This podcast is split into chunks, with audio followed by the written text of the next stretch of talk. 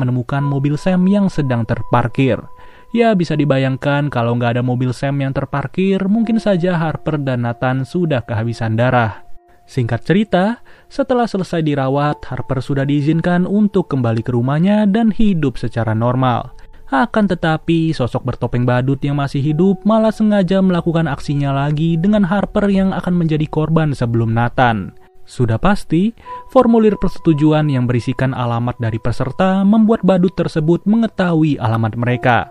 Yang bikin gue salut, Harper udah bener-bener memprediksi kejadian itu, dan di momen inilah si badut harus terkena jebakan yang sudah disiapkan oleh Harper sendiri. Pokoknya, jebakan yang dibikin oleh Harper sangat-sangat terinspirasi dari ruangan gelap yang berhasil membuatnya kewalahan. Setelah itu, sosok bertopeng badut langsung terkena headshot tanpa ampun dan film pun berakhir.